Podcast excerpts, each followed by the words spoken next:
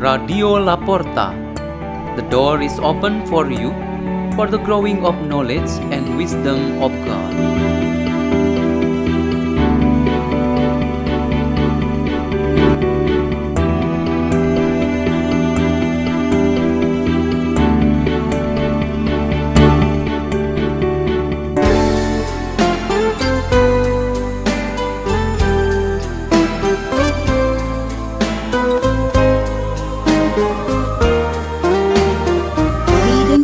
Meditation on the Word of God on Saturday of the fifth week of Lent, April 1st, 2023.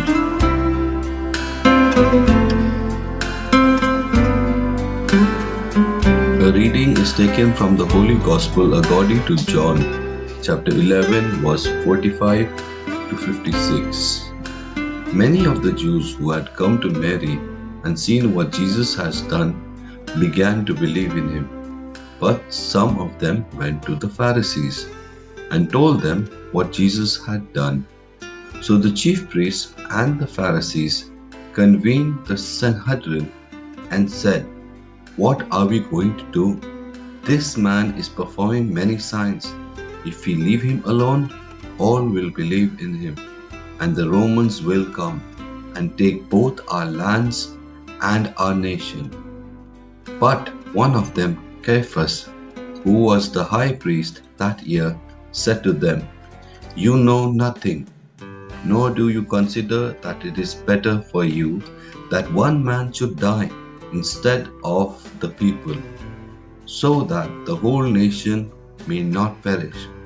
He did not say this on his own, but since he was high priest for that year, he prophesied that Jesus was going to die for the nation, not only for the nation, but also to gather into one the dispersed children of God. So from that day on, they planned to kill him. So Jesus no longer walked about in public among the Jews, but he left for the region near the desert to a town called Ephraim, and there he remained with his disciples. Now the Passover of the Jews was near. Many of them went up from the country to Jerusalem before Passover to purify themselves. They looked for Jesus and said to one another, as they were in the temple area, What do you think? That he will not come to the feast? The Gospel of the Lord.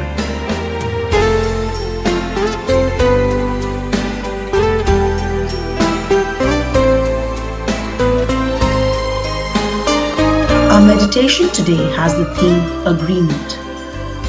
There is a story about heaven and earth that always fight each other.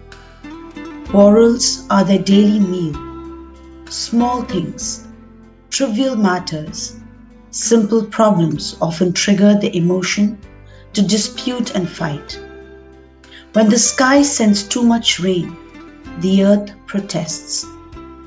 Likewise, when the earth sends too much steam up, the sky protests. Whatever small thing in their conversation can become the reason to fight. But at some particular times, and if it is necessary, they both agree to work together. When human beings behave so brutal that cause the destruction of the environment, the earth agrees with the sky to bring punishment for mankind. The surface of the earth becomes dry and the land cannot produce plants and fruits. The sky does not pour its rain, but when human beings take care and safeguard well the earth and its environment, the earth agrees with the sky providing fertility and warmth for human life and all the living creatures. An agreement is born from the different sides or parties who come together to collaborate and work together. The function of agreement is to preserve such cooperation and togetherness.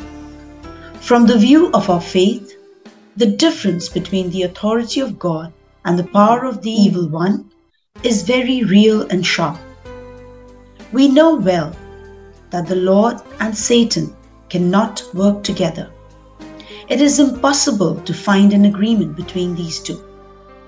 But if they can make just a single point of agreement, it is because of the Lord Jesus Christ and his mission. An agreement between God's will and Satan's will was finally designed to the intention, plan, and the act of the scribes. The Pharisees and the high priests, they were all great opponents of Jesus Christ. God Himself already authorized through the testimony of the scriptures that Jesus Christ would die for gathering and uniting the scattered children so dear to the Almighty God. The same view also came from the high priest Caiaphas, who prophesied that Jesus of Nazareth would die to gather and unite the scattered children of Israel. This agreement had to happen so that Judas Iscariot, after being possessed by the Satan, was able to carry out his duties. An agreement must be made so that we can celebrate the Lord's events from the Garden of Gethsemane to Golgotha until the moment of the Lord's burial. The will of the Father in heaven must be realized. But to carry out that will, there is an opportunity for evil violence, and sin to take their roles. This, of course, applies to all of us.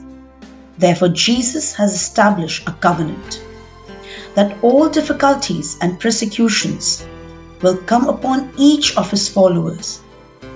When we carry out his will, the temptations, difficulties, suffering, persecution will go along with us. God sees, permits, and approves it. An agreement indeed has been made for us. Let us pray in the name of the Father, and of the Son, and of the Holy Spirit.